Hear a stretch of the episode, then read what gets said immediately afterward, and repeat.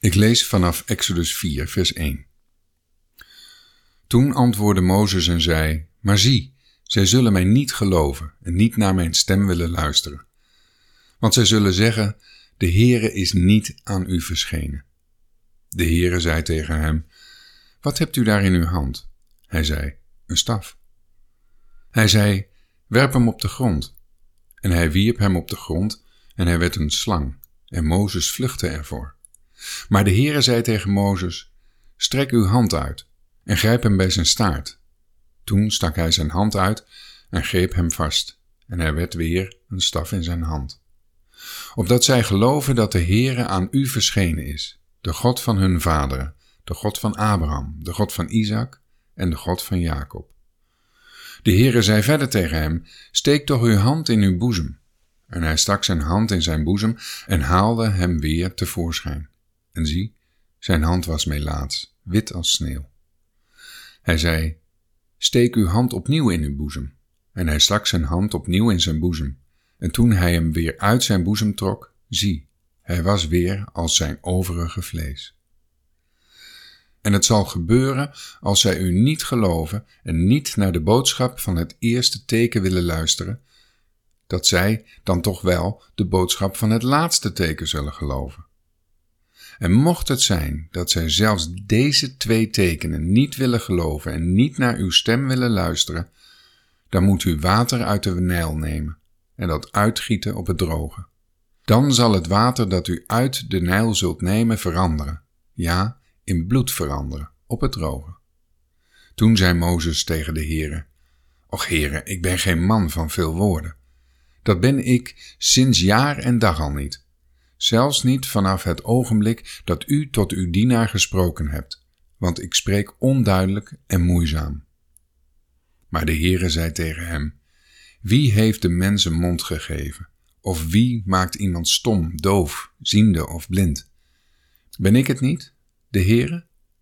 Nu dan, ga, ik zal zelf met uw mond zijn en u leren wat u spreken moet. Maar hij zei, Och Heere, zend toch iemand anders, door wiens hand u deze boodschap ook maar wilt zenden. Toen ontbrandde de toorn van de Heere tegen Mozes en hij zei, Aaron de Leviet is toch uw broer? Ik weet dat hij uitstekend spreken kan. Bovendien, zie, hij trekt u tegemoet. Zodra hij u ziet, zal hij zich van harte verblijden.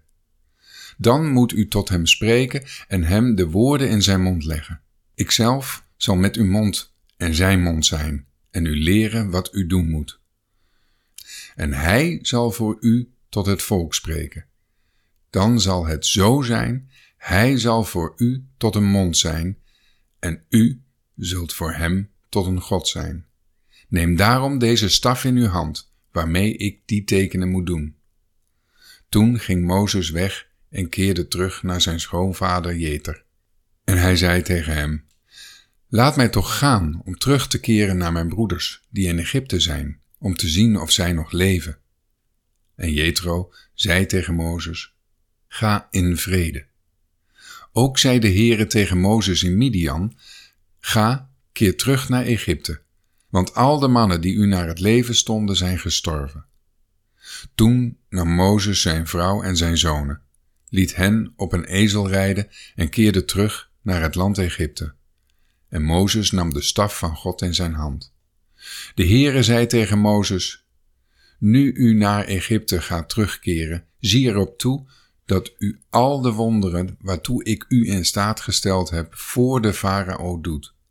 Ikzelf echter zal zijn hart verharden, zodat hij het volk niet zal laten gaan. Dan moet u tegen de farao zeggen, Zo zegt de Heere, mijn zoon, mijn eerstgeborene, is Israël. Daarom zeg ik tegen u: laat mijn zoon gaan, zodat hij mij kan dienen. Maar u hebt geweigerd hem te laten gaan. Zie, ik zal uw zoon, uw eerstgeborene, doden.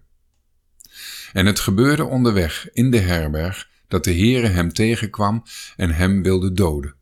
Toen nam Sippora een vuurstenen mes en besneed de voorhuid van haar zoon. Zij wierp die voor Mozes voeten en zei: Werkelijk, je bent voor mij een bloedbruidegom. Toen liet hij hem met rust. Vanwege de besnijdenissen, zei ze toen, bloedbruidegom. De Heere zei tegen Aaron, ga Mozes tegemoet in de woestijn. En hij ging en ontmoette hem bij de berg van God en kuste hem.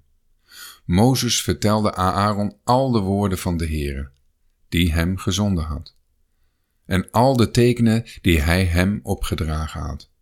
Toen ging Mozes op weg met Aaron en zij verzamelde alle oudsten van de Israëlieten. Aaron sprak al de woorden die de Heere tot Mozes gesproken had, en deed de tekenen voor de ogen van het volk. Het volk nu geloofde.